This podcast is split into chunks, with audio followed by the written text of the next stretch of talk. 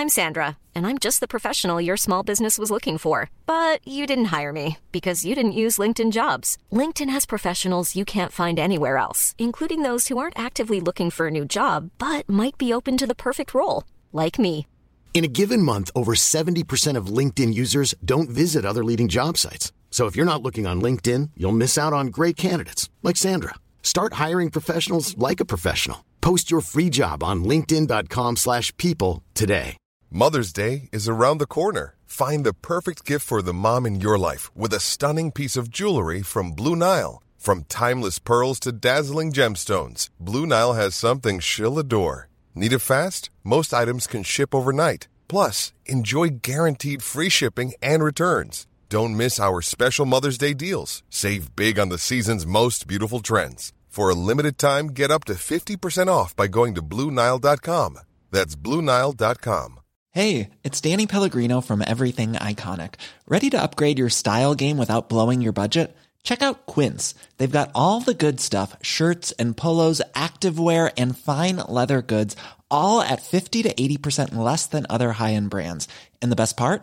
They're all about safe, ethical, and responsible manufacturing. Get that luxury vibe without the luxury price tag. Hit up quince.com slash upgrade for free shipping and 365 day returns on your next order. That's quince.com slash upgrade. Dette er en podkast fra Liverpool supporterklubb Norge.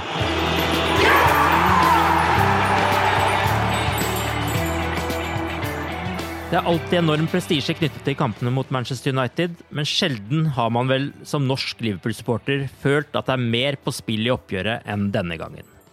Det er litt vår egen feil. Én grunn er at vi jakter serieledelse, en annen er at sist lagene møttes, sørget Liverpool for at José Mourinho ble sparket. Siden da har vi hørt mer om Solskjær-tabellen enn Premier League-tabellen her hjemme. Det skal vi forhåpentligvis få stanset nå. Arve Vassbotn heter jeg, og med dette ønsker jeg velkommen til den 32. episoden av The Cop-Eyed-podkasten. Torbjørn Flatin er gjest i studio denne gangen, men vi får også høre fra Mari Lunde, som har intervjuet Neil Atkinson fra The Anfield Rap, samt Justin Muttershead, som er bidragsyter på en Manchester United-podkast. Jeg, sitter med en sånn følelse at uh, det kan ende 0-0. Altså. Det klippet vi hørte der, var du som tippet resultatet mot Bayern München på slutten av forrige sending, Torbjørn. Jeg håper du er mer optimistisk når vi skal tippe resultatet mot Manchester United på slutten av denne sendingen, men eh, du fikk allikevel rett. Det ble 0-0. Hvorfor ble det ikke skåringen på Anfield på tirsdag? Nei, nå antyda jeg vel før kampen at jeg, jeg, så for meg at det kanskje kunne bli eh, en del taktikk. Eh, tyskere med stor respekt eh, som kom på besøk, og Liverpool uten van Dijk, eh, så lå det kanskje litt an til at eh, det ble tatt litt forhåndsregler. Eh, når jeg beskrev kampen i etterkant, så kalte jeg vel eh, hvis, hvis, det var snakk om f.eks.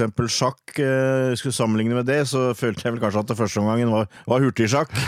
eh, annen omgang eh, var egentlig ganske mye sånn som jeg hadde sett for meg, for å være ærlig. Eh, men det er klart, i første omgang kunne det jo fort blitt mål. Eh, men altså, jeg, jeg føler Bayern kom til Liverpool, eh, som sagt, med stor respekt. Eh, jeg har vel et inntrykk av at kanskje spesielt i utenlandske lagene så er det Mo Salah som de vurderer som den store trusselen, og de legger seg ofte veldig lavt for å hindre det bakrommet som han liker.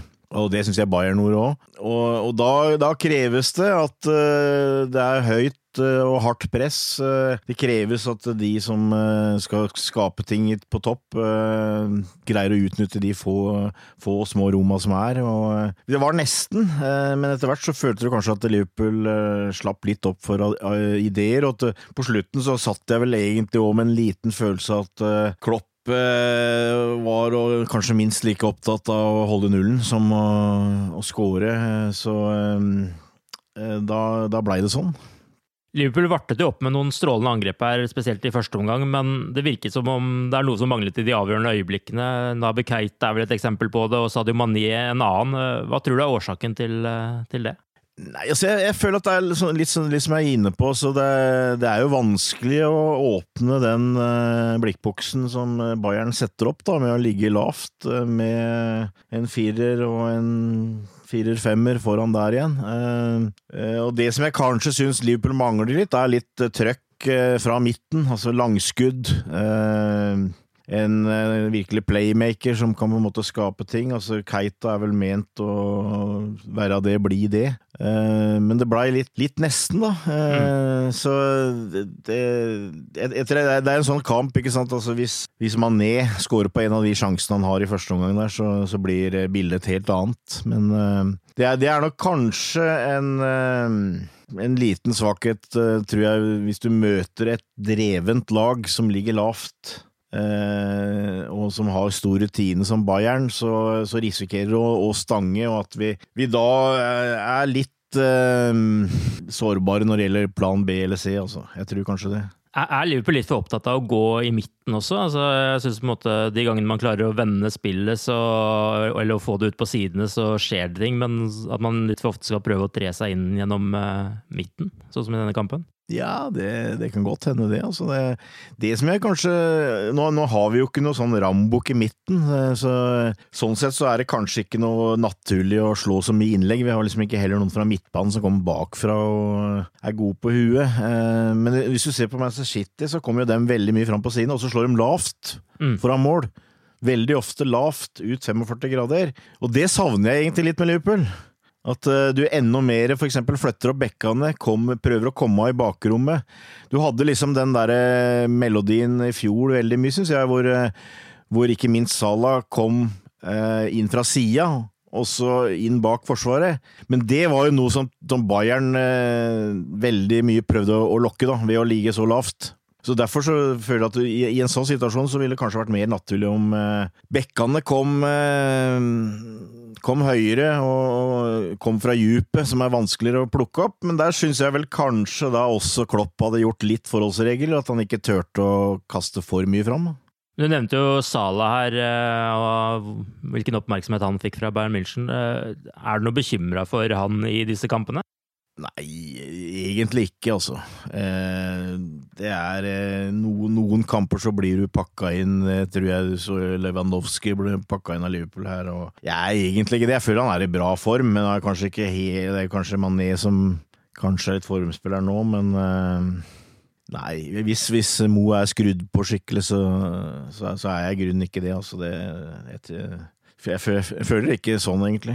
En som uh, virkelig så være skudd på i den kampen, var Jordan Henderson. Er, er, dette den beste kampen du har sett av han denne sesongen? Ja, det tror jeg nesten jeg vil si ja på. Um, Jordan føler jeg er litt sånn spiller, og det jeg har nevnt det før. Uh, jeg, jeg, tror han en, er en sånn type nå som uh, trives veldig godt med å få litt hvile innimellom. Uh, nå var han tydeligvis veldig godt forberedt, uh, trent godt, uh, ikke vært skada på ei uke, i hvert fall. Og det, jeg tror han er en sånn type som sli, og jeg har mye sånne småskader. Og, og, det tror jeg er en sånn Det var litt med Milner på slutten i fjor. Altså, da fikk han en del hvile mellom kampene. Jeg, jeg sitter at Jordan er litt sånn type, for det, det, er jo ikke tvil om at det er ingenting feil med innstillinga. Altså, han gir 100% og er klar for hver match, men uh, jeg føler vel av og til at uh, hvis han spiller tre kamper i uka, så, uh, så slip, sliter han litt med overskuddet og være, være fresh, liksom, for han er jo ikke noe har ikke noe stort tempo, så jeg tror er veldig, han er veldig avhengig av å ha, ha, litt overskudd, altså. Og det hadde han eh, mot Bayern, det er det ikke tvil om, så det, det var veldig positivt, det. Nå har jo Liverpool spilt åtte kamper siden nyttår, og det er angivelig da åtte ulike midtbanekombinasjoner. Eh, hva tenker du om det nå som vi skal møte Manchester United? For å være ærlig tror jeg det er litt tilfeldig. Eh, jeg vil jo faktisk si at eh, jeg, jeg, jeg tror kanskje Klopp er nærmere en stabil midtbanekombinasjon enn han nesten har vært hele sesongen.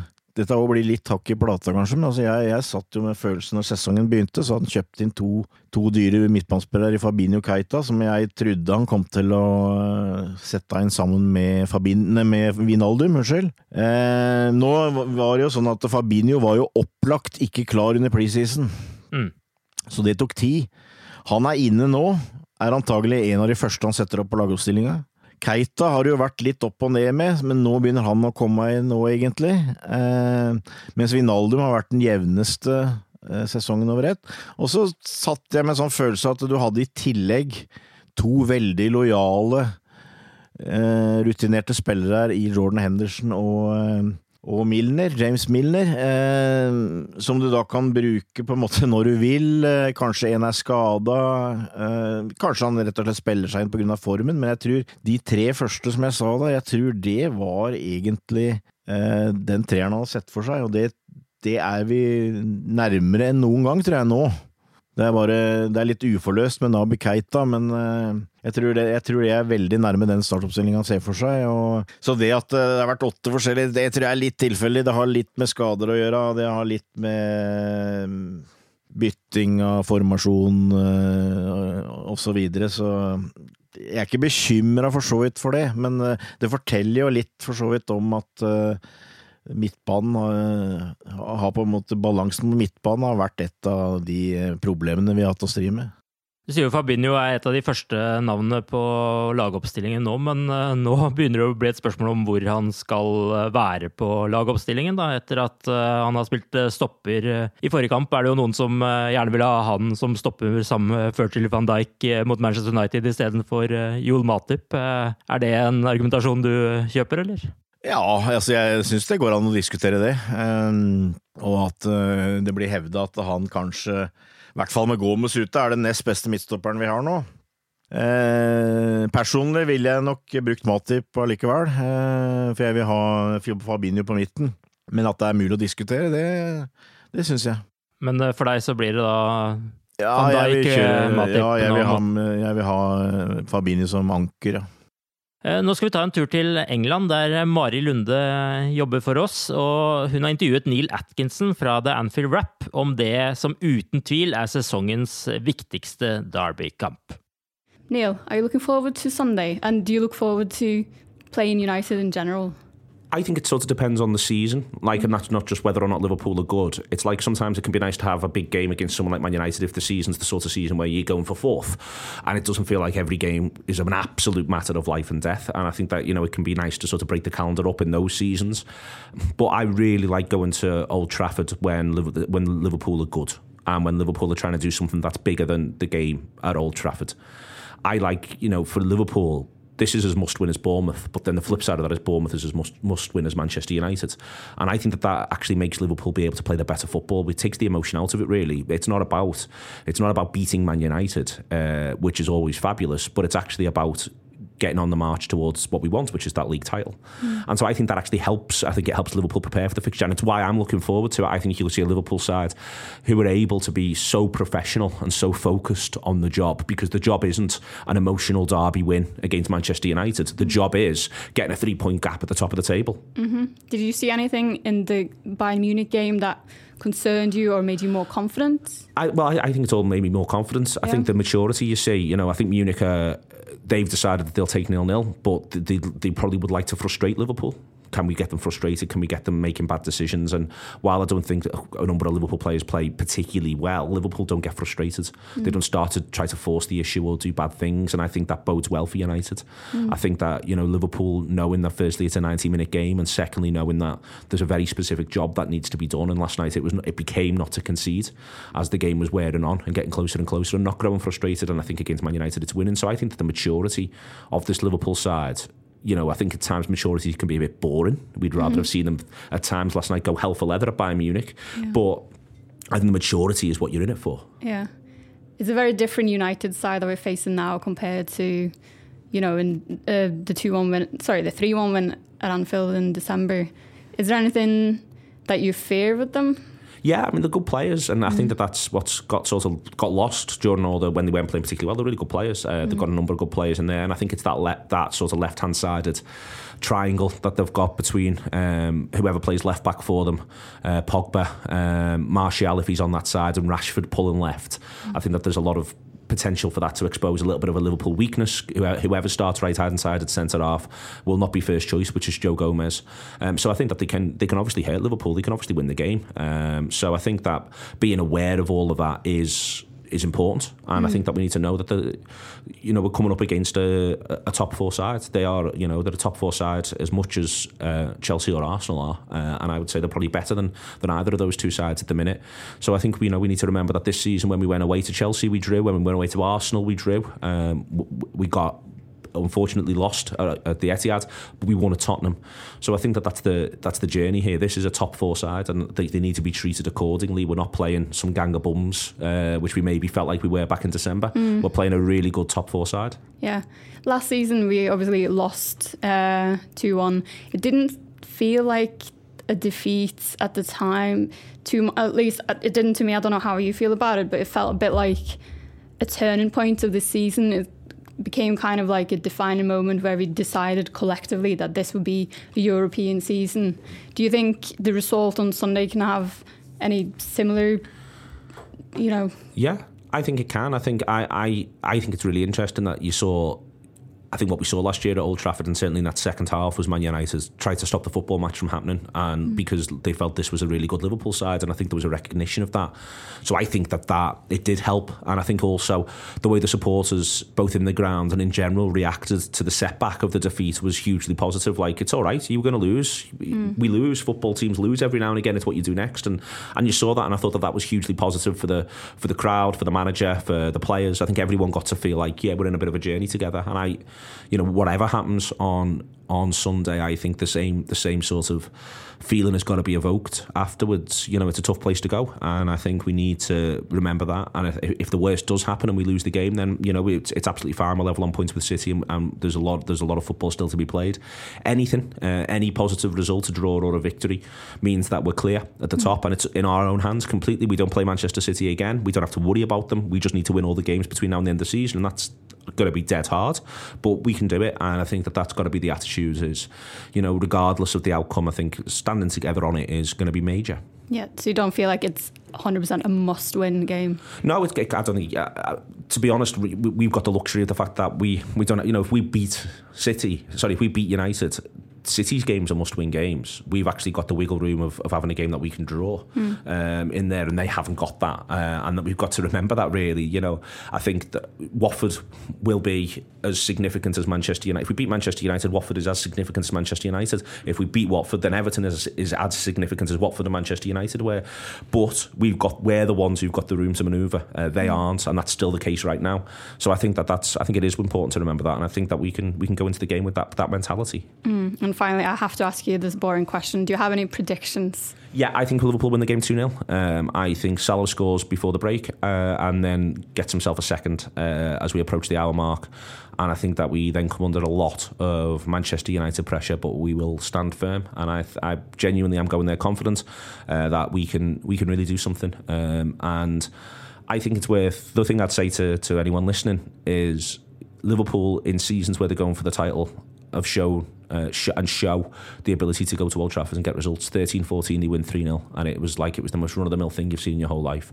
Mm. Uh, 08 09, they go there and they win 4 1. Uh, even going back to 01 02, when we finish ahead of United that season, we, we, we, win, we win at Old Trafford, uh, and it's only a brilliant Arsenal side that stops us from, from claiming the title. So I'm not saying, and the thing to point out on all three of those occasions is Liverpool won that game, didn't win the league. So it's worth remembering that you know winning the game will not mean winning the league, uh, and also the flip side of that is not winning the game will not mean not winning the league. There'll be other factors mm. and, and other things to come. Denne kampen handler ikke om å slå Manchester United, selv om det selvsagt alltid er fantastisk, men den handler om å fortsette marsjen mot seriegullet, sier Neil her. Han mener det tar bort en del av de følelsene og emosjonene som vanligvis er rundt disse Derby-kampene, og gir kampen et annet fokus. Eh, er du enig i det, Torbjørn? Ja, jeg er uenig i det, i hvert fall når det gjelder Liverpool, vil jeg si. Jeg vil tippe United tenker vi kanskje som en uh, derbykamp, og det viktige er å klå naboen, liksom. Og, og, hindre at vi skal ta det ligagullet som vi så gjerne ønsker. Uh, for Liverpool er det på en måte noe mer nå. For nå er det en veldig viktig kamp uh, i fighten med City om å, å vinne ligaen. Så jeg, jeg skjønner hva han mener. Som jeg sa i innledningen, så må jeg jo si at for oss her i Norge så føles det vel kanskje som om eh, det aldri har stått mer prestisje på spill foran en Manchester United-kamp. Vi to er jo så heldige at vi slipper unna erting på arbeidsplassen, eh, Torbjørn. Og venner kan vi unngå om det skulle gå helt gærent her. Men uh, merker du også at det er noe spesielt denne gangen for norske fans i begge leire? Ja, altså nå er jeg så usosial at uh Eh, sist jeg snakka med United-supporter, var en som prøvde å selge meg strøm eh, for et par uker siden, holdt jeg på å si, men eh, på telefon. Hæ? Eh, så jeg, jeg kan bare anta åssen dem eh, tenker. Ja. Eh, men eh, ja, altså det er eh, Du får veldig lyst til å ta veldig store ord i munnen når det gjelder den kampen der, men eh, det endelige svaret på hvor stort det er, får du egentlig ikke etter sesongen er ferdig. Eh, For det, ligger liksom som ei klam hånd over det at eh, det er ligagull eller ikke ligagull, på en måte. Og det er klart at denne kampen kan få en stor innflytelse i det. Ehm, så det er jo det, men, men uh, ut fra hva skal du si, en vanlig kamp mellom Liverpool og Manchester United, så er jeg- ikke i tvil om at denne ligger helt uh, på toppen av skalaen når det gjelder uh, betydning og temperatur og følelser. Det er jeg ikke i tvil om. Vi kan vel også i den eh, sammenheng nevne at vi nå er 47 000 medlemmer i Liverpools eh, norske supporterklubb, som du jo var med å starte for en del år siden. Mens Manchester United nå har 41 000 medlemmer i Skandinavia, og siden Ole Gunnar Solskjær ble ansatt, har de opplevd en medlemsboost, men det har vi også i den samme perioden, så de har ikke knappa så veldig mye inn på oss. Tenker du at dette er en kamp Liverpool må vinne for å gå seieren ut av ligaen? Ja, nei, altså jeg, jeg hørte jo intervjuet med Neil, og jeg er litt enig med han. Jeg, jeg, jeg tror ikke det er helt uh, Det er ikke nødvendigvis avgjørende, men uh, det er veldig viktig selvfølgelig å vinne, og det ville vært veldig kjedelig å tape. Jeg tror han har et veldig godt poeng at uh, det er veldig viktig å lede etter når det er elleve kamper igjen. Og da Elleve ligakamper er igjen etter denne helga her, for nå har City, City har spilt sin kamp eh, siden de nå som skal ha ligacupfinale. Mm. Eh, så har vi nesa foran eh, på mandag, så føler jeg at vi fortsatt er i en eh, veldig bra posisjon. Eh, men selvfølgelig, eh, det er stor forskjell på tre og ett ett poeng her, men at vi må vinne, det, det, det syns jeg er feil å si, altså. Det, det mener jeg oppriktig. Liverpool vant jo 3-1 like før jul i det som ble Mourinhos siste kamp som sjef. Etter det har Solskjær tatt over. Hva mener du er grunnen til at Solskjær har lykkes så godt, og hva ser du som på styrker og svakheter med det United-laget vi skal møte nå?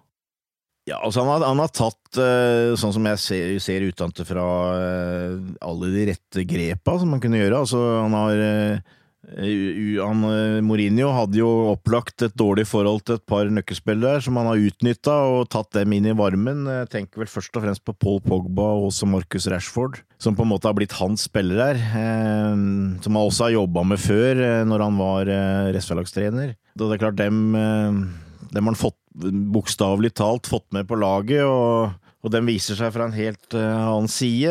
Han har gitt uh, sånn svenske Lindeløf eh, i midtforsvaret var jo nærmest litt sånn ledd av, følte jeg, i perioder. Eh, han har gitt stor tillit, eh, han har løfta seg, ikke sant. Eh, han, har, han har vært veldig opptatt av at de skal spille såkalt United-fotball eh, med fart og offensivt. Eh, som, eh, som ikke minst du får fansen eh, på de side.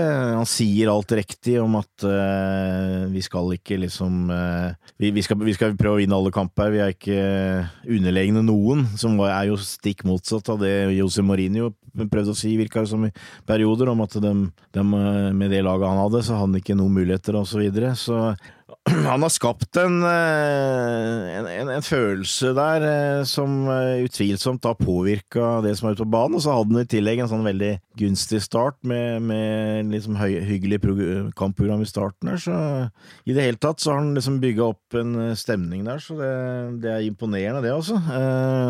Hva som er styrker Nei, jeg veit ikke. Jeg, jeg føler jo det at det er klart at eh, United har en del gode spillere, ikke sant? Det er, det er ikke tvil om det. Så eh, det var egentlig først og fremst å få det ut, da.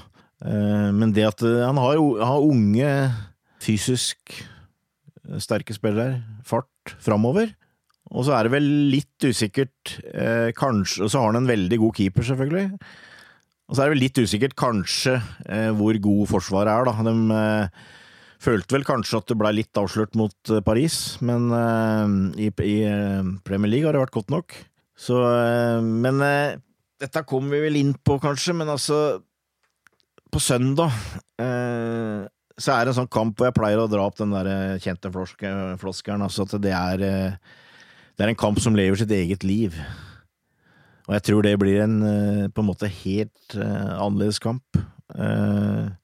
Det blir krig, tror jeg. Det blir full fart. Jeg har veldig vanskelig for å se for meg noe annet scenario om at her kommer det til å smelle fra start. og og alle, elleve på hvert lag må, må være oppgående og, og, være med.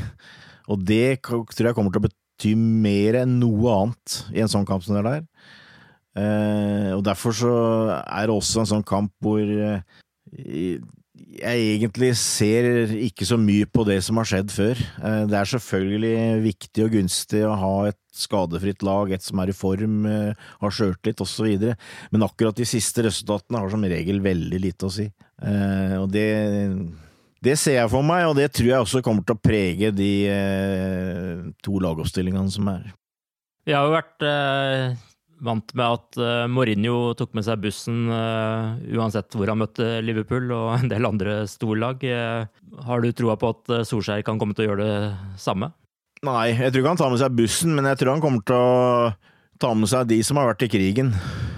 nå har han vel ganske stabilt lag, og det er vel ikke sikkert han forandrer så mye på det, men jeg er ganske overbevist f.eks. at han kommer til å spille med to defensive midtbanespillere. Herrera og Matic for eksempel. Eh, nå, har han jo gitt han svenske Viktor Lindelöf ganske mye tillegg, eh, men jeg er rimelig overbevist om at ved siden av han så kommer det til å bli en av de rutinerte stopperne, eh, sannsynligvis Måling. Eh, så, så, så jeg, jeg, tror det kommer til å prege det mannskapet han tar ut, men jeg tror ikke han kommer til å sette opp i en veldig defensiv uh, utgangspunkt. Det, det, tviler jeg på.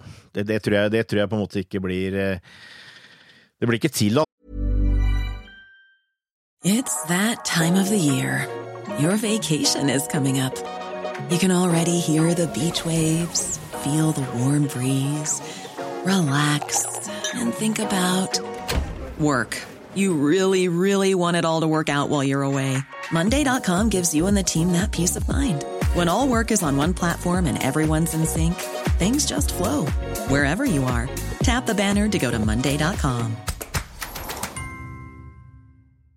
Ready to pop the question? The jewelers at BlueNile.com have got sparkle down to a science with beautiful lab grown diamonds worthy of your most brilliant moments. Their lab grown diamonds are independently graded and guaranteed identical to natural diamonds, and they're ready to ship to your door. Go to Bluenile.com and use promo code LISTEN to get $50 off your purchase of $500 or more. That's code LISTEN at Bluenile.com for $50 off. Bluenile.com code LISTEN. I'm Sandra, and I'm just the professional your small business was looking for. But you didn't hire me because you didn't use LinkedIn jobs. LinkedIn has professionals you can't find anywhere else, including those who aren't actively looking for a new job but might be open to the perfect role, like me. In a given month, over 70% of LinkedIn users don't visit other leading job sites. So if you're not looking on LinkedIn, you'll miss out on great candidates like Sandra. Start hiring professionals like a professional. Post your free job on linkedin.com/people today. Hey there, it's Michelle Norris. I'm host of a podcast called Your Mama's Kitchen. When I travel, I'm usually looking for a way to find a taste of home when I'm not at home. And one of the things I love to do when I am at home is entertain. And Airbnb allows me to do that. When I was in California recently, I rented a house that had a great kitchen. And when we were sitting around the table, we're all thinking, we're in someone else's house. Someone could be in all of our homes as well. If you have a home, but you're not always at home, you have an Airbnb. Your home might be worth more than you think. Find out how much at airbnb.com/slash host. Hey, Dave. Yeah, Randy. Since we founded Bombus, we've always said our socks, underwear, and t shirts are super soft. Any new ideas? Maybe sublimely soft. Or disgustingly cozy. Wait, what? I got it. Bombus Absurdly comfortable essentials for yourself and for those facing homelessness. Because one purchased equals one donated. Wow, did we just write an ad? Yes. Bombas. Big comfort for everyone. Go to bombas.com slash ACAST and use code ACAST for 20% off your first purchase. Paul Trafford. Og, jeg, og, det blir også en sånn kamp hvor trøkket og stemningen er sånn at du, du kan liksom ikke bare sitte bakpå. Du må være på framfoten hele tida. Så nei, jeg tror ikke det. Mari Lunde har også tatt en prat med Justin Muttershead, som er en lidenskapelig Manchester United-supporter. Dette er det han har å si før kampen. Last time we spoke, you were very much Mourinho in. However, given the, how the results have been going lately, I'm guessing you're quite pleased with how things are at the moment. I think it's safe to say I got that one wrong. Um, I was Mourinho in. We spoke just ahead of the uh, game at Anfield earlier on in the season, and I thought he deserved more time.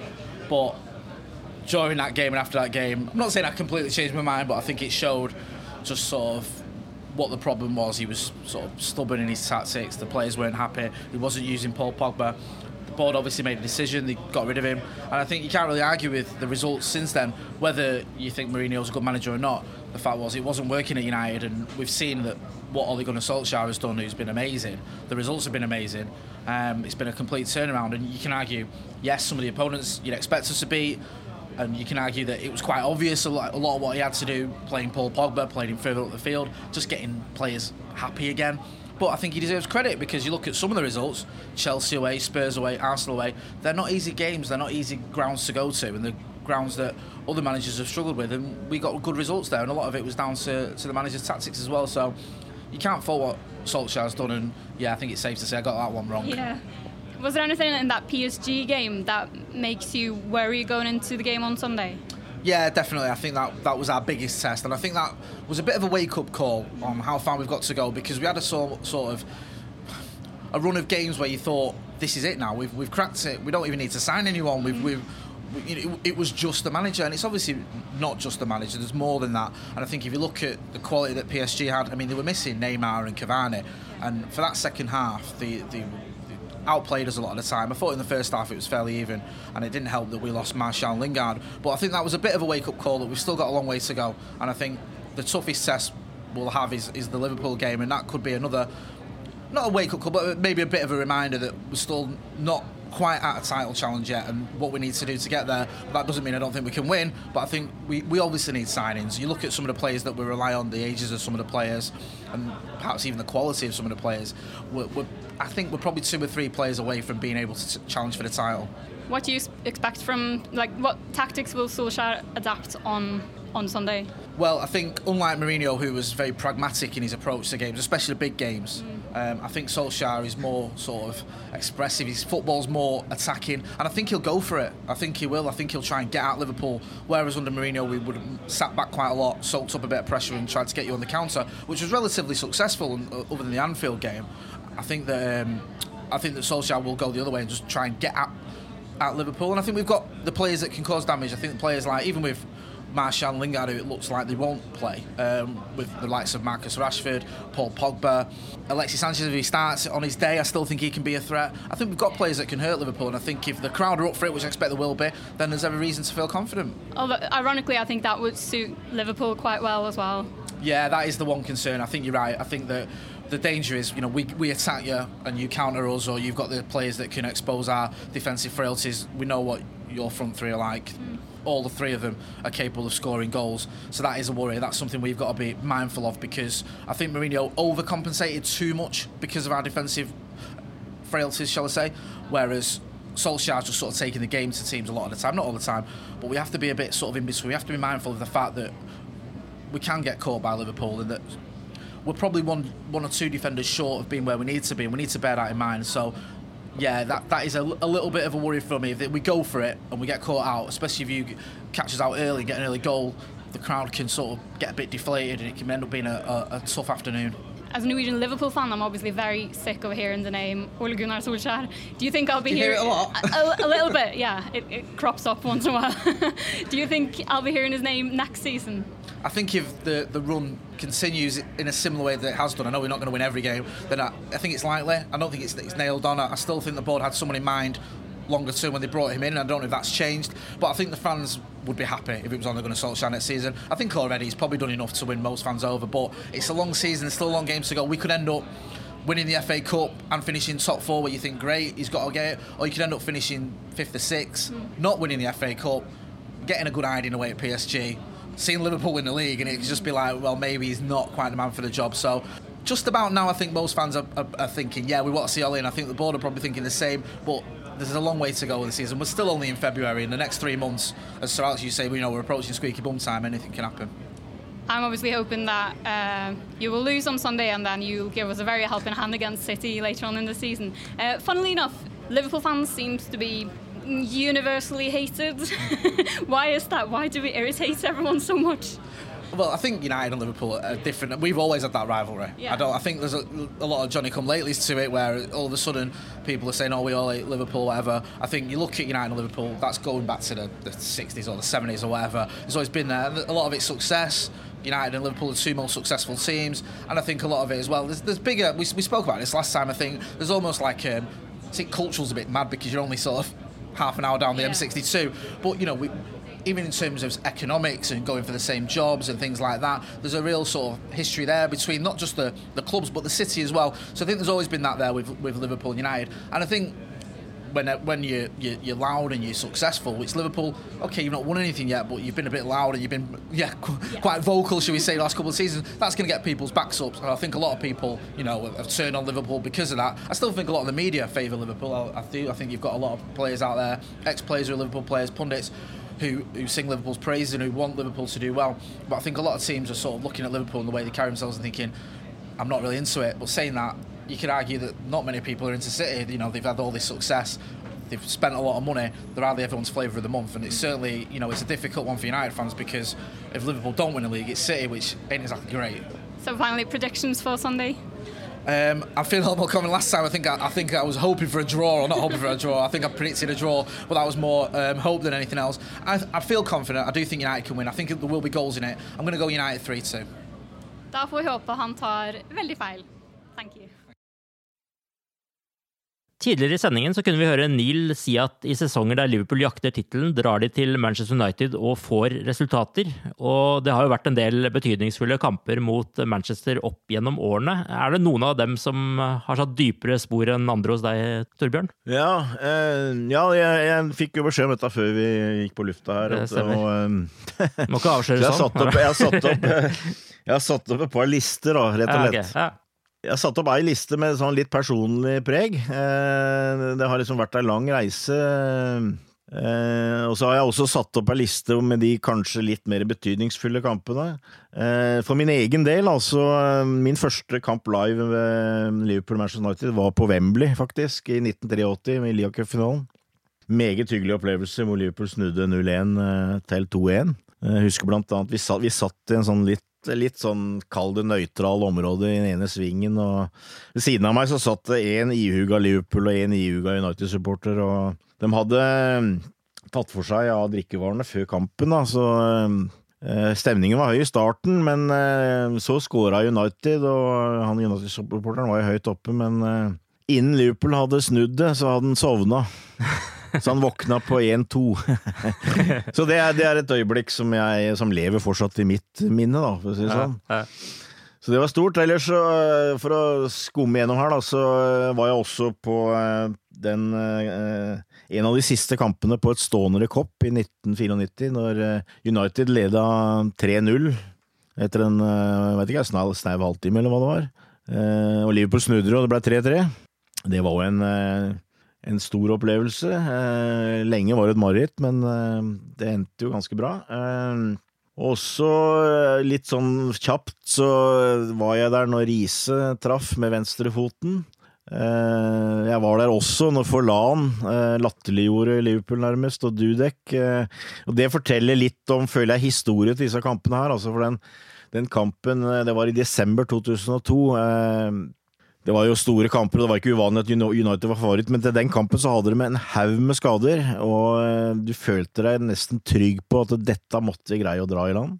Og så, og så blir det begått et par kjempetabber, og så skårer Diego Forlan to mål, og så, så vinner de allikevel 2-1. Og det, det, det syns jeg prega en del av denne kampen her, fordi at, eh, som jeg nevnte, tidligere resultater behøvde nødvendigvis ikke å bety så, så veldig mye. Eh, Du hadde jo for eksempel, som sagt, det var vel en periode eh, hvor eh, Liverpool var litt underlegne Manchester United, men vi hadde for eksempel, og det, jeg var ikke på noen av de kampene der, men jeg opplevde det jo med med stor glede fra TV-stolen at Danny Murphy for eksempel ble matchvinner i tre, tre ganger i løpet av fire år, eller hva det var, på Old Trafford. Og så skal jeg bare runde av den uh, bolken der, på en måte, med å si at uh, noe som jeg vel på en måte ikke er så veldig stolt av, men som jeg tror kanskje forteller litt om, om de følelsene som er i de kampene der. Og det er én kamp med Liverpool som jeg har forlatt før uh, kampen var ferdig. Eh, og det var når jeg var på Lia Cup, oktober 1990, mot Manchester United, og vi lå under 3-0. Og jeg satt midt blant United-supporterne Ja. På langsida mot Stretford den.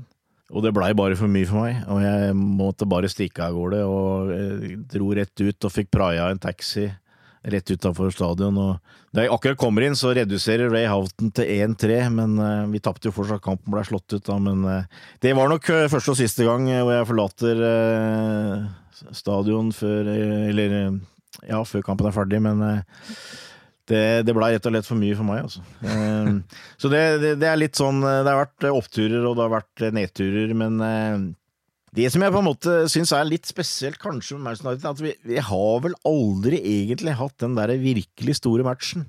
Den som på en måte har avgjort et stort mesterskap, osv. Mm. Men, men derfor så har jeg likevel prøvd å finne fram noen da, som har, har på en måte vært liksom farga seg mer i landskapet enn andre. Det er kanskje fra mitt ståsted, da, men eh, det, det har et litt sånn eh, overkant av helrødt skjær her, men eh, det får nå være. Men vi hadde jo Altså, nå, nå, nå har vi jo fått nevroser og mareritt og alt mulig, ikke sant? At vi ikke har vunnet ligaen siden 1990. Eh, Men det var jo faktisk sånn at det tok Manchester United 26 år før de vant og har vunnet i på slutten av 60-tallet, og, og, og så vant eh, når Premier League begynte. Eh, og siste forsøket de mislykkes på, det var jo i, i, i 91-92. Eh, og da skulle vi møte United eh, rundt påsketider. Eh, veldig viktig match. Eh, dem var i et skikkelig sluttoppgjør med Leeds. Og vi satt på den såkalte gamle supporterklubben i Lower Breck Road og så at Leeds kom tilbake og, fra underlege og vant mot Sheffield United, tror jeg det var. Gikk opp til Anfield og så at uh, Liverpool slo uh, United 2-0. Uh, og You Lost the League on Mercyside eh, runga ut. Eh, og det er klart, det, det, noe, det er mager trøst, da, men det er en trøst eh, at vi i hvert fall eh, hindra dem å vinne. Så tok det dessverre ikke så lang tid før de på en måte knekte koden og, og vant, men eh, det var i det minste en kamp som, eh, som hadde ganske stor betydning for ligaen. Da. Men den kanskje kanskje viktigste kampen, og jeg tror i hvert fall kanskje det sureste nederlaget som jeg har opplevd, eh, kom eh, fire år etter, hvor Roy Evans hadde tatt over for et skakkjørt skip med Graham Sunes. Han skulle få tilbake liksom det bootroom mentality og få Liverpool tilbake på rett skjær, og få Alex Ferguson og United ned fra den pidestallen som de hadde på en måte erobra. Eh, og skulle ha eh, Vi hadde spilt mot dem i ligaen, og Robbie Fowler eh, hadde jo blåst ballet forbi Peter Schmeichel, og vi hadde store forhåpninger om at de skulle vinne FA-cupfinalen. Og så er det en eh, skikkelig drittkamp, eh, hvor Cantona får trøkt inn eh, en ball etter corner helt på slutten. Eh, og det tror jeg hadde en veldig negativ effekt på det forsøket som Roy eh, prøvde på å, å ta tilbake det hegemoniet. Eh, vi var riktignok med og kjempa om ligagullet året etter. Eh, og, og hadde store muligheter, egentlig, men jeg tror kanskje at de såra som blei satt i den finalen, kanskje påvirka at eh, når vi møtte United eh, på våren den sesongen der, og, liksom, og David James var inne i en dårlig periode, keeperen, så skulle vi liksom slå tilbake, men isteden så var det United som vant 3-1. Eh, og på en måte satte spikeren i den kista òg. Så det er et par virkelig sure sure minner. Eh, så har det, har det vært eh, veldig sånn, føler jeg, fram og tilbake siden. Eh, men eh, vi har jo hatt et par veldig gode opplevelser, da, og Paul Trafford med Torres og Gerrard vant 4-1 i 08-09. Dessverre var det ikke nok til at vi greide å fravise dem Lia-gullet. Og så var det nå, da i 13-14, den berømte sesongen hvor vi var med helt inn, og vi skåra over 100 ligamål, og vi faktisk fikk tildelt tre straffespark på Old Trafford. Og Stevie G satte inn to av dem. Uh, jeg, har alltid hatt respekt for Mark Lattenberg etter den kampen der, for øvrig, dommeren. Men uh, sånn er det. Uh, så det, det, det viser jo det at det viser at vi kan uh, trå til også på den store scene, føler jeg, og, og, og det viser at de kampene der uh, Det er ofte det skjer noe, ikke sant? Og, det blir veldig spennende å se hva som uh, blir utviklinga til søndag. Altså, det, det er Ja, det er litt skrekkblanda fryd, ikke sant, fordi det, det betyr så mye, men det, det, ligger jo an til at det blir dramatikk, det føler jeg jo. Så det, det var min, eh, min, oppsummering. Så skal vi også legge til at eh, det jo også er en uh, spiller som har spilt mot Liverpool for Manchester United mens han var medlem av den norske supporterklubben til Liverpool. Og du vet hvem det er, Torbjørn? Ja, ja, ja, jeg veit det. det.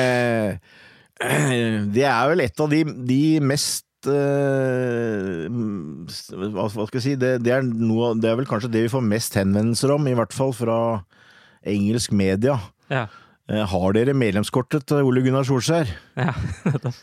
og det har vi ikke, for det sendte vi til Sky uh, den gangen han blei spiller der, og han var betalt medlem. Ja. Og det har vi aldri fått igjen. Nei, nettopp. Så sånn er det. Men han var Ivrig supporter oppe i Kristiansund i, og holdt med Liverpool, ja.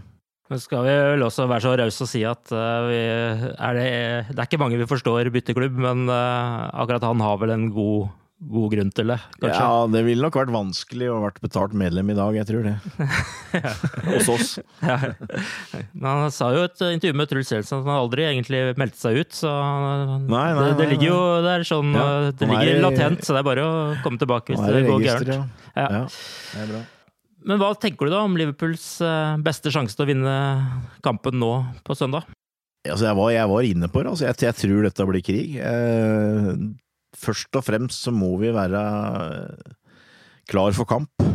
Uh, vi kan ikke synes synd på oss sjøl. Altså, vi må trå til i hver eneste duell. For meg er det det aller viktigste, og vi må tørre, selvfølgelig. Uh, og jeg, jeg, tror angrep er beste forsvar mot United. jeg tror det er Det svakeste delen deres er den bakre fireren. og og så må vi Vi kan ikke la oss uh, bli løpt over på midten. Uh, se, det er jo Se for meg kanskje at uh, de kommer til å prøve å for eksempel, gå på bekkene til Liverpool. Alexander Arnold, kanskje. så vi må være klar der. Jeg ser, kan godt tenke meg Klopp har en tanke der om at han har en mann til å sette foran Trent.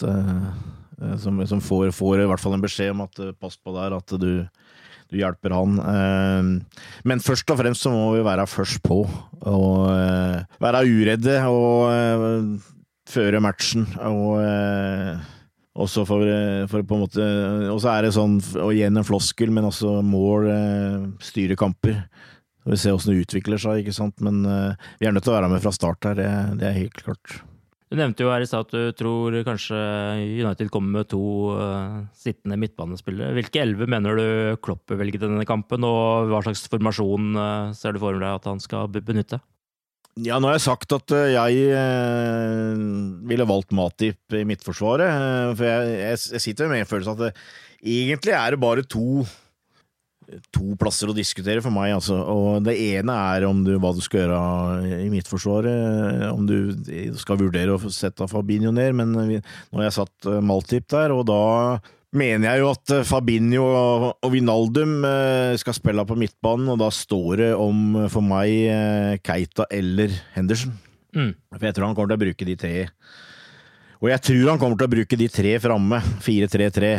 Men det kan godt hende, ikke sant, at uh, Mané og Salah får beskjed om å være litt uh, dypere i utgangspunktet enn de pleier å være, men uh, Jeg tror det blir de tre framme, og så blir det full guffe når vi har muligheten til å bryte og, og kontre.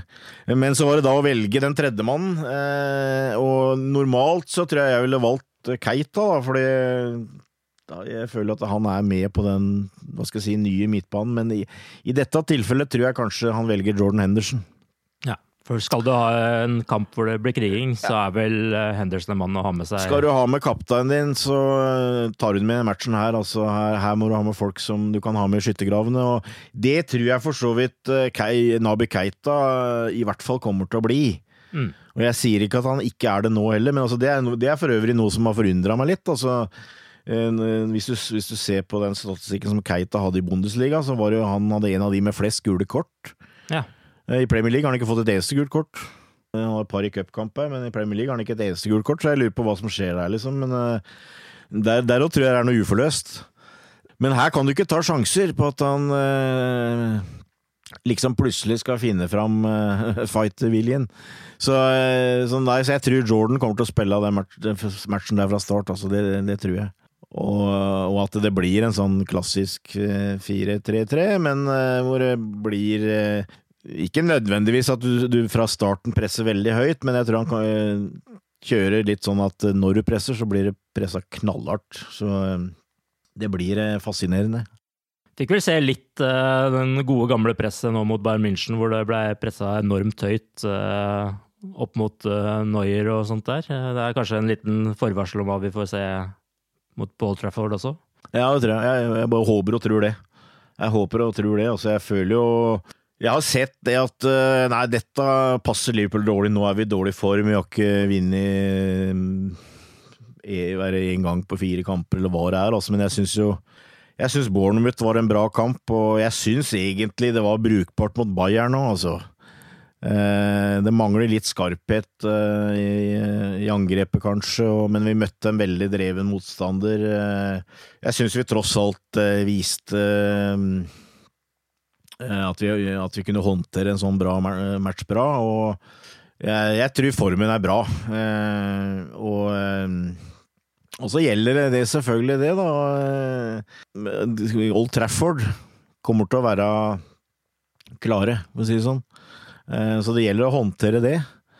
Eh, Det er jo veldig ofte det skjer i sånne kamper at det er en eller annen situasjon eh, Straffespark, rødt kort. Du må holde huet kaldt, og det må Liverpool også gjøre. Så den mentale liksom inngangen til kampen er utrolig viktig i et sånt oppgjør. Og siden du traff så godt sist, så skal du avslutningsvis få lov til å tippe resultat eh, denne gangen også. Ja, jeg veit jo nesten ikke om jeg tør å si det. Uh, ut fra den der oppbygginga du har hatt nå. Men jeg, jeg, jeg prøver å trøste meg med at jeg, det er jo, ville jo vært utrolig om jeg skulle ha, rekt, ha rett to ganger på rad, da. Ja. Så jeg har egentlig hele tida hatt i tankene 1-1. Det er litt Og da leder vi i hvert fall på mandag. Ja, ok, greit. Det er fin trøst. Men jeg håper jo allikevel at jeg tar feil, at vi tar tre. Ja. For det hadde vært utrolig kjærkomment.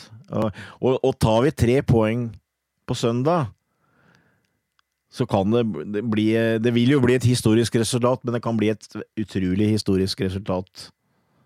Eh, ut, men det avhenger av hva som skjer seinere, ikke sant? Men eh, det ligger, ligger an til at eh, det blir eh, en fotballkamp som det kan komme til å bli snakka lenge om.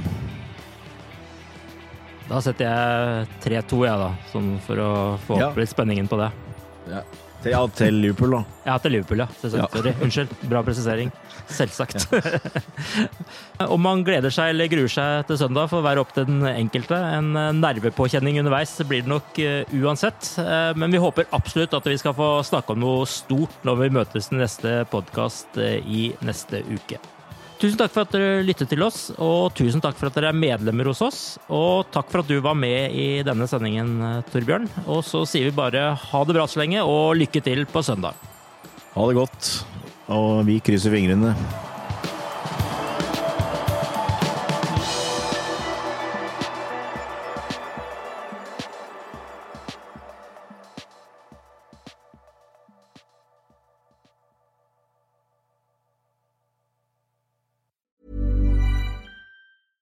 Imagine the softest sheets you've ever felt. Now imagine them getting even softer over time. That's what you'll feel with Bowl and Branch's organic cotton sheets. In a recent customer survey, 96% replied that Bowl and Branch sheets get softer with every wash. Start getting your best night's sleep in these sheets that get softer and softer for years to come. Try their sheets with a 30-night guarantee. Plus, get 15% off your first order at bowlandbranch.com. Code BUTTERY. Exclusions apply. See site for details.